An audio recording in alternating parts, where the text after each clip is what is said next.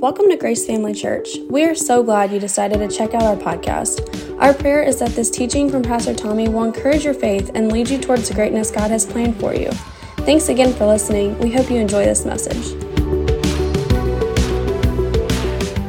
All right, uh, I want to uh, jump into today's message. Um, I want to continue with the series I've been teaching, Free Indeed. We're taking a look really at how to live truly free lives. Everybody say free indeed. We're learning how to live free indeed. John chapter 8, verse 31, 32, and 36 is our opening text. Let's read that, then we'll pray and jump in and share what the Lord has for us today. It says, Then Jesus said to those Jews who believed him, If you abide in my word, you are my disciples indeed. And you shall know the truth, and the truth shall make you free. Therefore, if the Son makes you free, you shall be free indeed. Let's pray before we get started. Father, Thank you so much for your word. Thank you for everything we've done up to this point. I believe we followed your plan, your purpose as a church. Thank you for our lives being blessed because of it. And I thank you for continuing to place your anointing upon this moment now as we approach your word. Let your anointing rest upon your people to hear your word, to have hearts to hear, to have ears to listen, and that grace and truth would be opened up to them to help them take steps forward in their relationship with you and move into the freedom and liberty that liberates them to be able to be the blessing you've called them to be to others. I thank you for that, Father, and I thank you for your anointing resting upon me to speak your word to your people. I put my trust and hope in you that you'll say exactly what needs to be said this morning in Jesus' name. Amen. Um, as I said, we're talking about free indeed. If you've been here, I'm going to try my best not to review. Um, I, the Lord laid this series on my heart. I'm passionate about it, and so I go back every week and I review, and it seems like the review gets longer than the message. So I'm going to do my best to not go back and review too much the first four messages, but what we've been talking about, just to set this up for those that may be new or may have missed a few of these, is that Jesus said we should be free, and then he used the specific word indeed.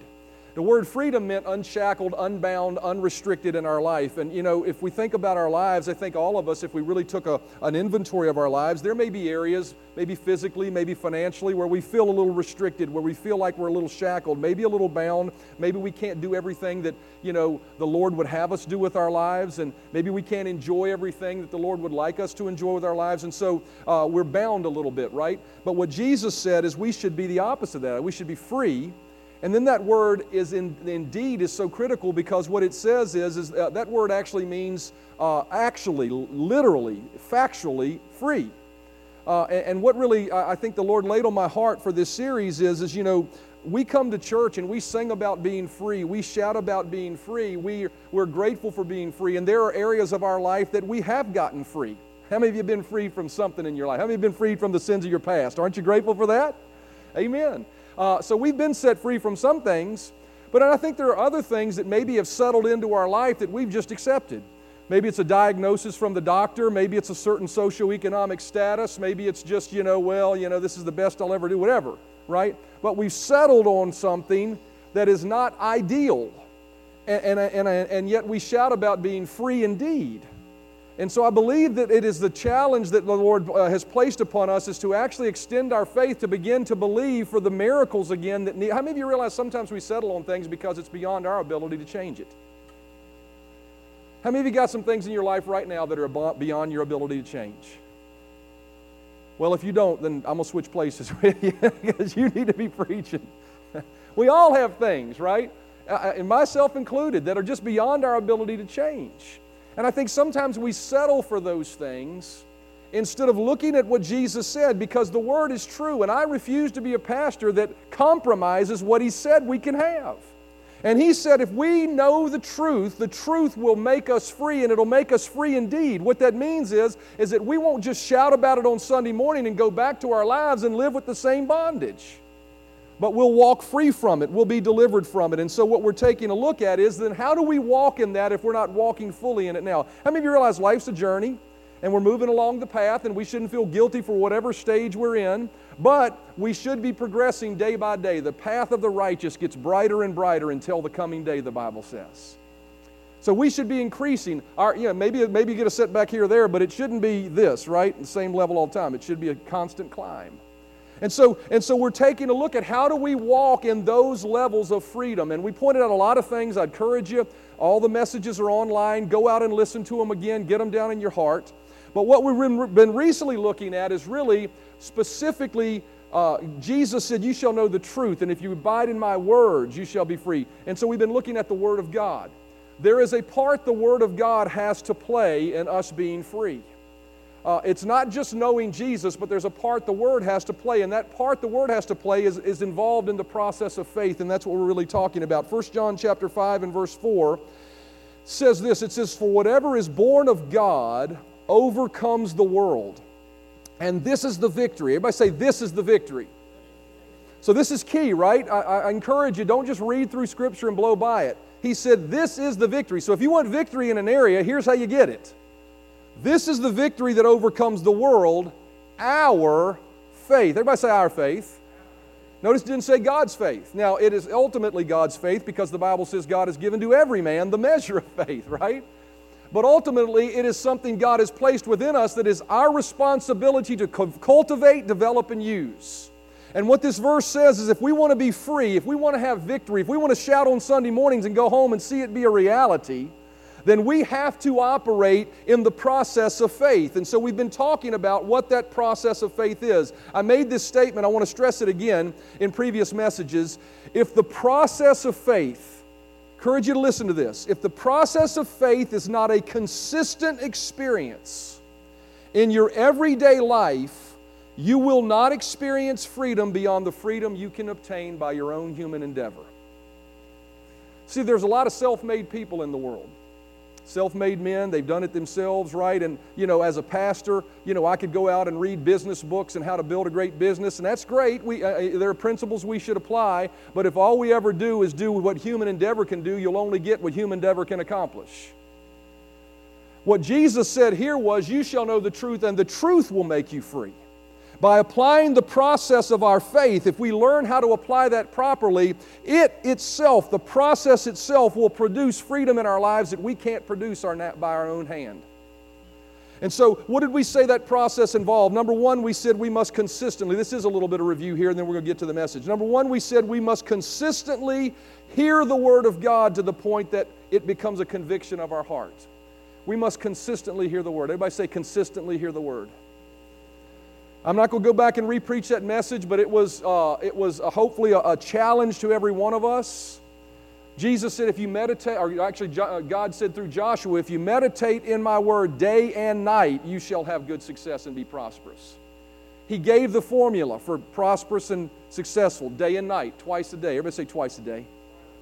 Now, did he mean every day, twice a day, or did he mean it's constantly in front of you? I believe he meant constantly in front of you, but don't use that as a cop out to not do it day and night right?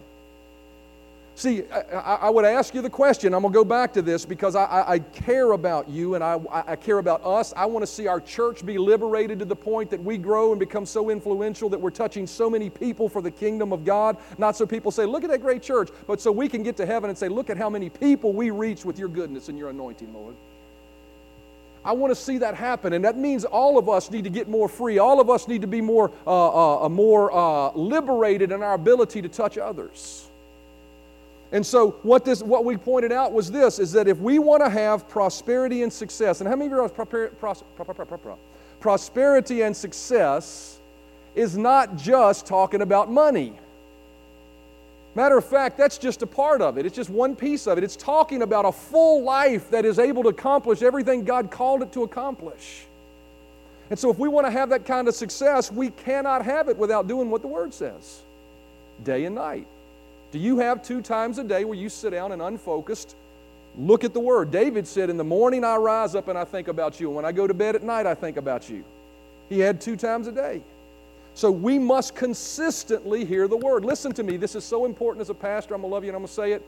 If you ain't doing it, hang up the idea of being any more prosperous than you can do by your own hand. Just do it yourself. can I get an amen, preacher? You got to spend the time. And it's not a work thing. It's not because you got to check a box and say, well, I did this, God, now you can get. He's already given you everything. He's already blessed you. Jesus has already set you free, so it's a matter of you tapping into it, you making yourself available to it. So you got to hear the word. Took a little longer on that one than I wanted. Number two, maybe not more than I wanted. Once you hear the word and it becomes a conviction of your heart, you must make a choice to believe it in your heart in spite of your doubts. You must make a choice. Everybody say a choice. What, that, what do I mean by that? See, a lot of people think believing is this place you get to that's this state of nirvana that all of a sudden you just believe. Believing is a choice. It's looking at the word and says, I see that God said that, so I'm going to make a choice. I see it. I'm convicted in my heart now by it. So I'm going to make a choice that I'm going to side in every moment on the God side of every circumstance based on what God's word says. So if he says, by Jesus' stripes I'm healed when I wake up and I don't feel good, then I'm going to choose to side on this side to say, I'm not ignoring the truth of the facts, but I'm going to embrace the truth. I believe it. Right? You got to make a choice to believe it. And then last week we said, you got to speak the word. Everybody say, speak the word. Mark chapter 11, verse 22 and 23 says, So Jesus answered and said to them, Have faith in God. And we've said that one translation actually says, Have the faith of God. For assuredly I say to you, whosoever says to this mountain, Be removed and be cast into the sea, and does not doubt in his heart, but believes that those things he says will be done, he will have whatever he says. Three times Jesus said, You will have what you say in that one verse alone. See, what many people uh, don't, don't recognize is that saying is just as much a part of the, of the application of faith as believing is. See, what most people have done is thought believing and faith are synonymous words. They're not. Believing is one part of faith, but another aspect of faith is speaking the word. You have to say what God's word says about you if you're going to actually experience the freedom Jesus said you could have. Romans chapter 10 and verse 10 says, For with the, with the heart one believes unto righteousness and with the mouth confession is made unto salvation. So, so believing gets you to your answer, but faith and, and, and speaking what you believe actually opens the door and walks you through it. Jesus said, You should have what you sow. And so we pointed out we should be speaking words of blessing over our life. We should be cursing those things in our life that are not from heaven, that God says are not from Him. We should say, Get out of my life in Jesus' name, be gone, right? And then after we do that, we should be lifting our hands and thanking God for every promise that He's already said is ours. Amen? We need to be thanking God. Everybody say, thanking God. Now, after we've done that, what do we do? It's 11:39. I'm going to get you out of here by 12, okay? After we do that, what do we do? I can tell you what we do. After we've done that, we make our stand of faith. Everybody say, make your stand of faith after you've consistently heard the word, after you've made your choice to believe the word, after you've spoken the word over your lives and thank God for it, what do you do? You make your stand of faith. After we apply the process of faith, Ephesians chapter 6 tells us what to do. It says, finally, everybody say, finally. After you've done all that, my brethren, be strong in the Lord and in the power of his might. Put on the whole armor of God that you may be able to stand against the wiles of the devil. Everybody say, the devil. How many of you realize if there's a real God, there's a real devil? Some people want to dress him up, put him in a pitchfork, make him a cartoon character, or put him in a horror movie and make him seem make believe that only to be in the movies, but there is a real devil. And it says, it says, Put on the whole armor of God that you may be able to stand against the wiles of the devil. For we do not wrestle against flesh and blood, but against principalities, against powers, against the rulers of the darkness of this age, against spiritual hosts of wickedness in heavenly places. So, what that tells me is the person you're having a problem with, it ain't the person you're having a problem with, it's the spirit behind the person you're having a problem with. And you know what? We can love people while we curse the devil and bind him up that's influencing them, right? Amen. And so we have an enemy to stand against. It goes on to say, Therefore, take the whole armor of God that you may be able to withstand in the evil day, and having done all to stand, stand therefore. Everybody say, stand. Read those portions of Scripture. He says, stand a whole lot. So I will tell you this that most of your process of faith will not be decreeing and declaring, it'll be standing and resisting. You have to make your stand of faith. There's a battle. It says that there's a devil that's arrayed against us, that is fighting against us, and we must make our stand of faith if we're going to fulfill our calling, if we're going to fulfill our purpose, if we're going to walk in the full blessings of God. And so we've got to dig our heels in and have a blessed God. I will not be moved from my belief and my confession standpoint. Psalm chapter 92 and verse 10 in the Amplified Bible, I love, verse 12 in the Amplified Bible says this. It says, The uncompromisingly righteous shall flourish. Everybody say uncompromisingly. Proverbs, Proverbs chapter 10 and verse 11 says, The mouth of the uncompromisingly righteous man is a well of life. That uncompromisingly word is a very uh, important word. We must be uncompromising in our stand of faith. See, it's one thing to stand and decree and declare, but when we walk away and the storms of life begin to blow, or the circumstance hasn't changed yet, because how many of you Jesus said, Whatsoever you desire when you pray, believe you receive it, and you shall have it? What that means is if you believe it now, it will happen in the future. Right? So, whatsoever you desire, when you pray. Now, how many of you realize, I'll just throw that out there, you have responsibility and authority over your own life to do that personally in your own life, right? But you don't have the authority to believe for someone else. See, some people would say, well, how come something or how come this? I, I, can't point fingers at anybody, but all I can say is every time anybody ever came to Jesus and said, How come something didn't happen? He always said, Because of your lack of faith. Somehow the connection between God and His purpose didn't happen. And that's okay, we fail sometimes, right? But the reality is, in our own personal life, we sort of narrow the equation down to the only person I got to be responsible for for this to work in my life is me, right? To get me to a place of freedom so that I can help others who may not be able to help themselves. And so it says we've got to be uncompromising. We have to have an attitude that says, I will not be moved from what I believe and what I have spoken over my life. I'm uncompromised in it. The Bible says a double minded, a double minded man is unstable in all his ways. Let, let, let not that man think he'll receive anything from God. Can't have one foot in and one foot out. You can't say one day I believe it, the next day I don't know what's going on. You got to be uncompromised. What I've found to be true is many people are willing to give up instead of hold on. They're willing to fall down instead of stand. We have to make a choice to stand. And you know that also, this uncompromised attitude, it also applies to even the songs we sing. Everybody say the songs we sing. You know, I, w- I went on a hike yesterday. I try, to, I try to walk every day. I've been trying to trim down and I've been, I've been doing my best there. But I go on a hike every day and I use that as a time for me to listen to Scripture and to do things. And I thought, well, I want to listen to some music. So I started looking through Apple Music and all the praise and worship. I started listening to praise and worship songs. And I got to tell you, half the stuff people are singing in churches today are so full of doubt and unbelief that you shouldn't be singing it. Oh, it's so hard and life's so hard, but you will help me he will help you, but the reality is He's already helped you, and you ain't defeated. You're not beat down. You're not a loser. You're an overcomer. You're a conqueror in Christ Jesus, and you can do all things through Christ who strengthens you. You should be singing songs that declare that about yourself. Half of the Christian songs in the world have taken on the element of supposedly a spirit filled type of worship, and all it is is a bunch of unspirit filled people. You mind if I don't get mad? Applying their belief system to a praise, uh, uh, some sort of free form of worship.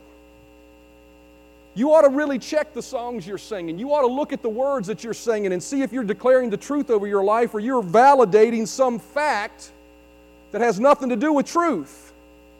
You'd find out your playlist would get a whole lot shorter.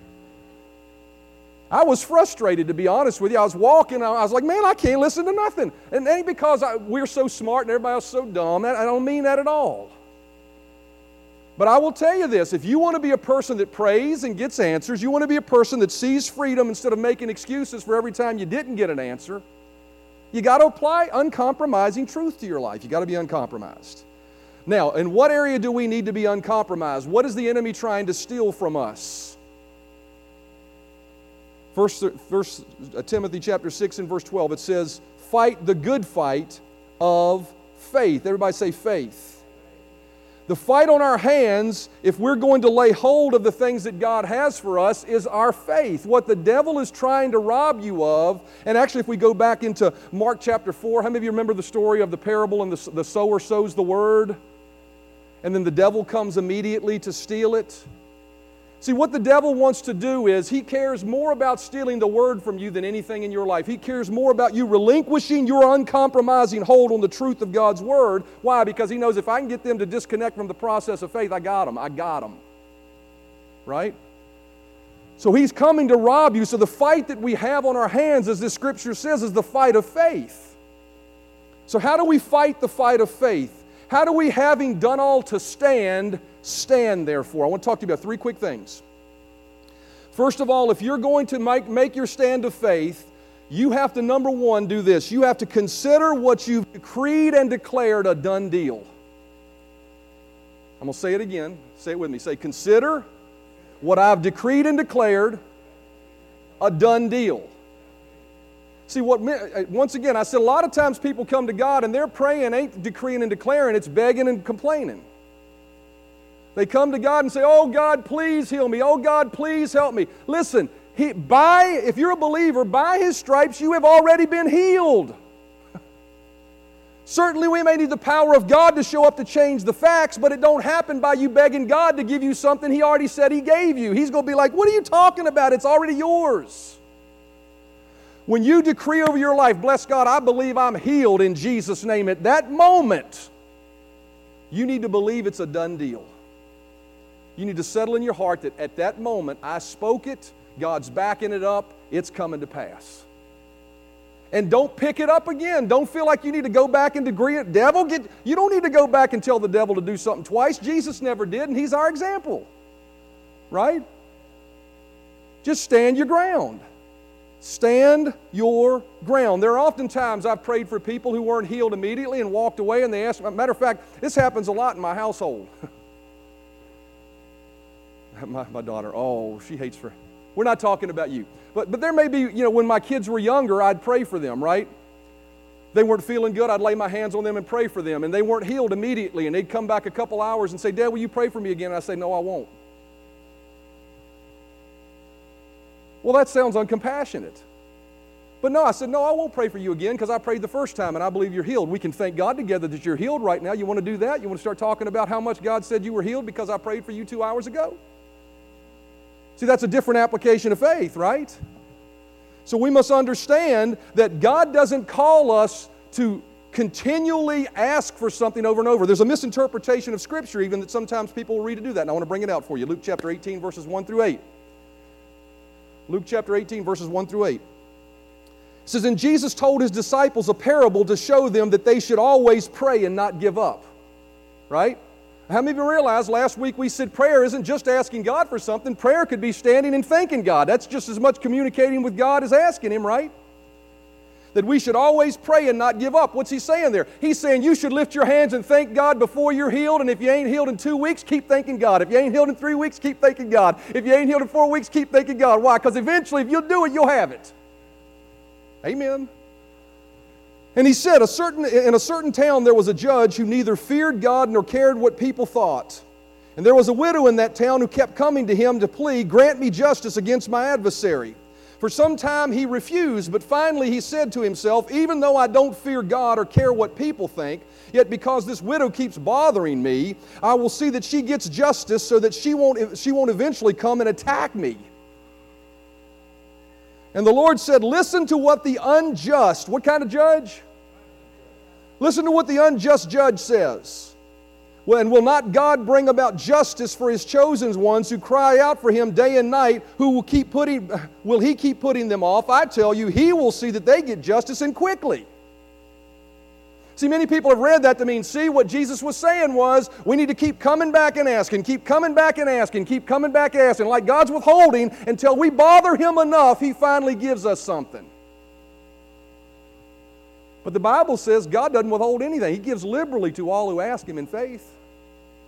See, the reason we know this is a misinterpretation uh, uh, to say that what, God, what he's saying here is that we need to be like the widow and we need to go ask the judge because of the people in the story. The people in the story are not equivalents to who we are and are not equivalents to who God is. The unjust judge, is God an unjust judge? Are we, is God bothered by us coming to Him according to Scripture? Does He put us off when we come to Him saying, No, no, I got more important things to deal with right now?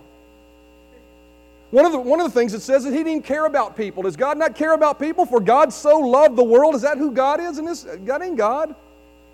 And then not only that, but how many of you realize many people equate themselves to the widow? You ain't no widow. How many of you realize your husbandman is alive? Amen. You ain't penniless and broke and hurt. Why? Because you have all things that pertain to life and godliness, right? He supplies all your needs. You're not a widow. See, what we need to understand is this story is not an allegory where elements of the story stand for truths outside of the story, but rather it's a parable. What's a parable? A parable is something that's, that causes you to stop and think about it and draw a conclusion from it. And this particular parable is a parable in contrast.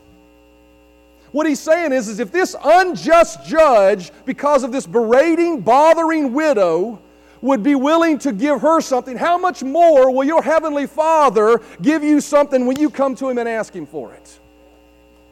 And how much more will your Father back you up and defend you when you're lifting your hands in the midst of the battle saying, Lord, I thank you that I'm healed even though I can't see it. I thank you my needs are supplied even though I don't look, I can't see it. How much more will He come to fight for you? See, the always that we should be doing in that verse is not begging and pleading. It's thinking and praising. Ephesians chapter 5 and verse 20 says, Giving thanks always for all things to God the Father in the name of the Lord Jesus Christ. Our always, our continually coming before the Father should not be begging and pleading. It should be in faith, saying, Lord, I thank you, your word is true.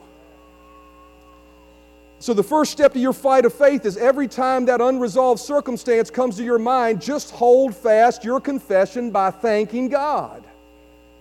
Every time you think about that, don't go back and ask God for it again. If you do, that's okay. Ask you just just move on, right? But don't don't continually do it. Why would you ask him for something if you believe he heard you the first time? Thank him for it. Continually thank him for it. Hebrews 10:23 says, "Let us hold fast the profession of our faith without wavering, for he is faithful that promised." Just keep thanking him. Lord, I thank you. You're back in my play here. I'm standing on your word, and I thank you, thank you, thank you that you're faithful. You can be counted on. Amen? First step to making your stand of faith is to dig your heels in and believe the word. Second thing you need to do is you need to refuse to doubt. Everybody say, refuse to doubt. Romans chapter 4 and verse 19 says, And being not weak in faith, Abraham considered not his own body now dead when he was about a hundred years old, neither the deadness of Sarah's womb. He staggered not at the promise of God through unbelief, but was strong in faith, giving glory to God, and being fully persuaded what he had promised, he was able to perform. Abraham's faith remained strong because of two reasons there. Number one, he gave glory to God. There it is again. He gave thanks. Our first point, right? Just keep thanking God, keep thanking God, keep thanking God, keep thanking God. Why? Because you're going to have it soon. And in your heart, you have it now. But then the second thing that says that, that he did there was he considered not. What? In this instance, he considered not his body and he considered not his wife's body. He just said, that don't matter. How many of you realize her body and his body had nothing to do with the power of God being able to accomplish? It had nothing to do with it. How many realize if God could say, let there be light, and there was light, he could certainly say, have a baby, and have a baby. He could certainly release power right in that situation, right? So he refused to doubt. He considered not. So remember this the operation of faith does not mean the lack of doubts in your mind, but rather it's a choice to put down the doubts and just step onto the God side of the equation. I keep saying that over and over in this series. Always settle on the God side. When your body's screaming otherwise, don't say I still have, don't, don't possess that problem. Don't uh, say it's your problem. My diabetes, my Lyme disease, don't say that. It ain't yours. If you got healed from it, if he, he said you're healed, you, it ain't yours. It's an attack of the enemy and the devil. And if you bound and cursed the devil in Jesus' name, then he's got to leave with it. He has to. He has no choice. So you have to choose to keep your eyes on the promise and not the problem. In Numbers chapter 21, I won't go back and read it for the sake of time, but you know there was a moment in Israel's history where snakes were coming into the, uh, into the, into the um, camp of Israel. We had a snake show up, a copperhead show up last week with ours, and you should say, I don't like snakes. I was on top of my truck jabbing at it and got it killed, got rid of it. Then I came in and my wife said, My hero. I said, If she'd only seen me out there quivering and shaking, she'd have probably said, Tell you what was really funny. Zach and Liz were there with us, and Zach ran around the back of the truck, and Liz thought it would be funny to scare him. She was like, Zach, look out. And he got all freaked out. It's funny. It's pretty funny.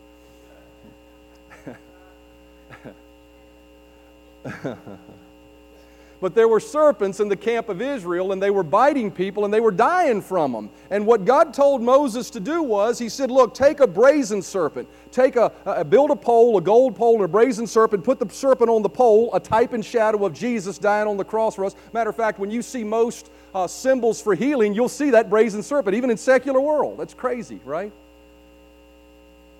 But he said, as long as you stare and keep your eyes on the brazen serpent, the serpents won't harm you. What was he saying? He was basically having them practice a New Testament principle of faith in the Old Testament. He was saying, as long as you don't consider. He wasn't saying the snakes weren't there, he wasn't saying they weren't real, but he was saying, just don't consider them. When you see your empty checkbook, don't pore over it and, and consider it. Just say, Lord, I ain't, I ain't looking at that. I'm looking at what? You said you'd meet all my needs according to your riches and glory. Amen. Don't look at your pain and your anguish and, and stare at it. No, turn and look and see what He says about the situation. Do not consider. You have to make a choice. The way you stand is you make a choice. Same thing happened in the New Testament with Peter. Matthew chapter 12 and verse 22 says, Immediately Jesus made the disciples get into the boat and go ahead of him to the other side while he dismissed the crowd. And after he dismissed them, he went up on a mountainside by himself to pray. Later that night, he was there alone and the boat was already a considerable distance from land, buffeted by the waves because the wind was against it. Shortly before dawn, Jesus went out to them walking on the lake. Now, I want to show you something really sort of interesting. And this just sort of stood out to me. Verse 24, he noticed they were in distress. But it wasn't until dawn that he started walking towards them. Right? I think that's important for us to also recognize that when you're standing in faith doesn't mean God ain't aware of what you're dealing with. And especially here on this planet, when we wrestle not against flesh and blood, you got to deal with people and all sorts of things. God many times is working behind the scenes doing things you cannot see. Those men were probably in that boat. Whoa, Lord, we're worried, right? And they didn't even realize Jesus knew what was going on. He knew it was going to be all right. I'm going to walk out there. I got to take care of some stuff first. I got to pray. Got to get myself recharged. Shortly before dawn, when Jesus went out to them walking on the lake, when the disciples saw him walking on the lake, they were terrified. It's a ghost, they said, and cried out for fear. But Jesus immediately said to them, Take courage, it is I, don't be afraid. And then Peter, I got to love Peter. It says, Lord, if it's you, Peter replied, tell me to come to you on the water. And Jesus said one word, He said, Come. And he said, he said, Then Peter got down out of the boat and walked on the water and came to Jesus. But when he saw the wind, he was afraid and beginning to sink. He cried out, Lord, save me. Here's what I want you to notice Peter walked on the water in spite of the wind and the waves. He actually walked. Now, I don't know how far he walked, right? I like to see the video of it, not just the chosen version of it, but the video of it. In heaven, how far did he walk? But how many of you realize wind and waves have nothing to do with your ability to walk on water? How do I know that? Because if you go home and put water in your bathtub and go try to stand on that water, there ain't no wind, no waves. Wind and waves had nothing to do with the miracle. And that's why it's important not to consider the circumstance. And that's what this verse says is uh, what, what we see with, with, with, what happened here. Peter was walking on the water based on what Jesus said, but then he took his eyes off of it and he let fear grip come in and he began to doubt.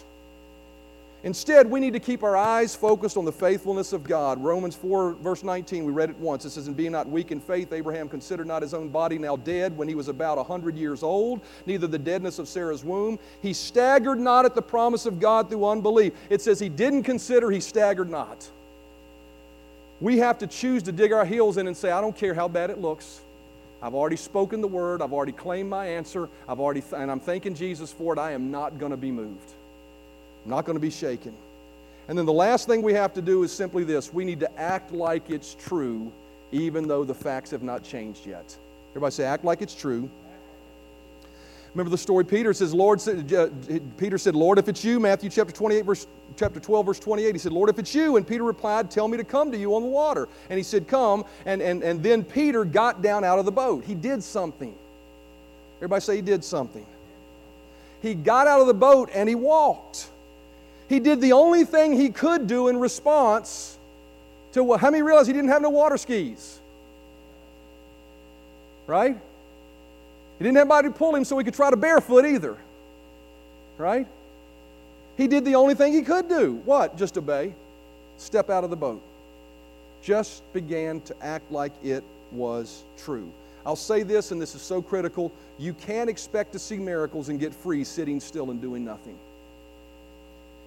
That is just lazy.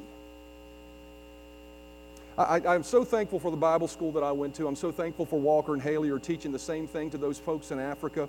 And what they're teaching them is this, is that the natural and the supernatural coming together make an explosive force for God.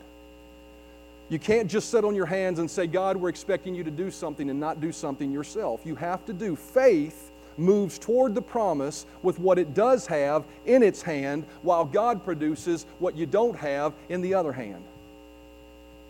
You have to do what you can do. Part of the fight of faith is to stand. Here's the, here's the real um, paradox. Part of the fight of faith is to stand, but part of the fight of the faith, the fight of faith is to move forward. So you got to stand and move forward at the same time.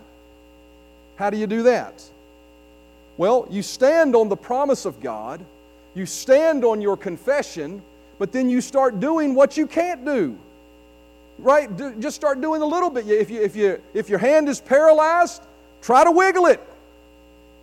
Start doing it, right? If you, if, if, you, if you can't, if you believe in God that you got enough money that you can tithe, then don't wait till you can give 10%. Start giving 1%. That one should have had a hearty amen. Amen. Exodus chapter 14, notice there's a standing and there's a walking. I'm, I'm getting close to the close here. It says, And when Pharaoh drew near to the children of Israel, this is as they were in the wilderness, the children of Israel lifted up their eyes, and behold, the Egyptians marched after them. So they were afraid, and the children of Israel cried out to the Lord. So they were looking at the circumstance. Then Moses then they said to Moses, Because there were no graves in Egypt, have you taken us away to die in the wilderness? Why have you so dealt with us to bring us up out of Egypt? Is this not the word that we told you in Egypt, saying, Let us alone, that we may serve the Egyptians? For it would have been better for us to serve the Egyptians than to die here in the wilderness. No faith, complaining and arguing. And Moses, you imagine being a Moses? I mean, a million people yelling at you.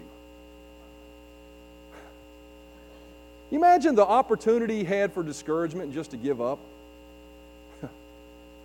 and Moses said to the people, Don't be afraid. Stand still and see the salvation of the Lord, which he will accomplish for you today. For the Egyptians whom you see today, you shall see again no more forever. The Lord will fight for you and, and shall hold your peace. First part of the stance of faith, right? Stand still, see the salvation of the Lord, put your trust in him to do what you can't do, right? But then God quickly corrects Moses to show him there's another part of this equation, brother, you got to do. The Lord said to Moses, Why do you cry to me? Tell the children of Israel to go forward. So it wasn't just stand still, but it was stand still trusting Him and take the step you can take. Put your foot in the water. Moses, raise your, raise your rod over the water. Do what you can do, and, but lift up your rod, stretch out your hand. Verse 16 says over the sea, and the children of Israel shall go on dry ground through the midst of the sea. We know what happened. What? They stood still, trusted God, but they moved forward and did what they could do. And so, in the same way, once we've made our stand of faith, faith, once we made a choice to not be moved, what do we do right now? What can we do right now? What do you believe in God for?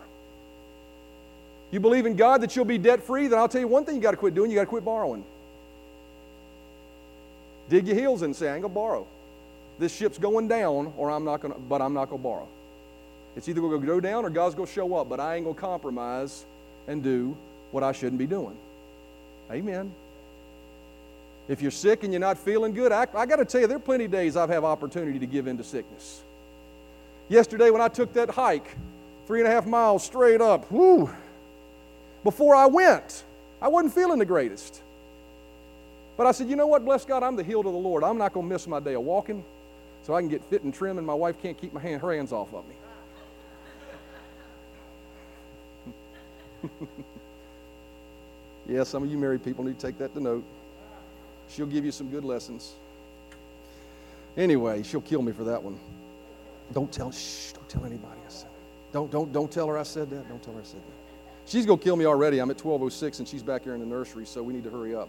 Um, So, what can we do right now? Just do what you can do and trust God for what you can't do. I've always said this use what's in your hand, and pl- but plan by what's in your heart, right? What does God say you can do? He can do exceedingly abundantly of all we can ask or think. So I'm going to have a vision for greater that's in my capacity to pull it off. Why? Because I don't want my capacity to pull it off. I want Him to pull it off. But what I'm going to do right now is I'm going to use what's in my hand faithfully and diligently, trusting Him to make up the difference and show up where I can't show up. Amen? Amen. And so there's a fight of faith for us to fight. It says, fight the good fight of faith, 1 Timothy chapter 6 and verse 12. Musicians, if you go ahead and come. We're going to take communion here. 1 Timothy chapter 6 and verse 12 says, Fight the good fight of faith, lay hold on eternal life to which you were called, and have confessed the good confession in the presence of many witnesses. We have a fight to fight after we decree and declare. Nobody said this would be easy, for lack of a better term. It's just going to fall off your head like ripe cherries on a tree. It's just ain't going to happen that way. You got to fight to fight. But the good news about the fight of faith is uh, the only good fight is the fight you win. I've been in a lot of fights wrestling matches, football fields. I've been in a lot of them. And the only good ones, I remember one time when I was in elementary school, I thought I was so bad, and this little boy kept bugging me, and I went out there and thought I was going to whip him, and he whipped the snot out of me. Won a good fight. Why? Because I lost. It says, fight the good fight of faith. Why is it a good fight? Because if you'll stick with it, you will win. You will win. You will win. Look at your neighbor say, I'm going to win. Now thanks be unto God, which always causes us to triumph in Christ and make manifest the savor of his will, his knowledge by us in every place. Thanks be unto God who causes us to triumph. I always said, if you just try with a little umph and not quit, you'll win. Dig your heels in. Amen. Thanks for listening to our Grace Family Church podcast. We really hope you enjoyed this message. If this ministry has blessed you in any way, we would love for you to get connected. Just go to gfcva.info to learn more about who we are how to give to this ministry, or how you can get involved. Thanks again for listening, and we hope to see you soon.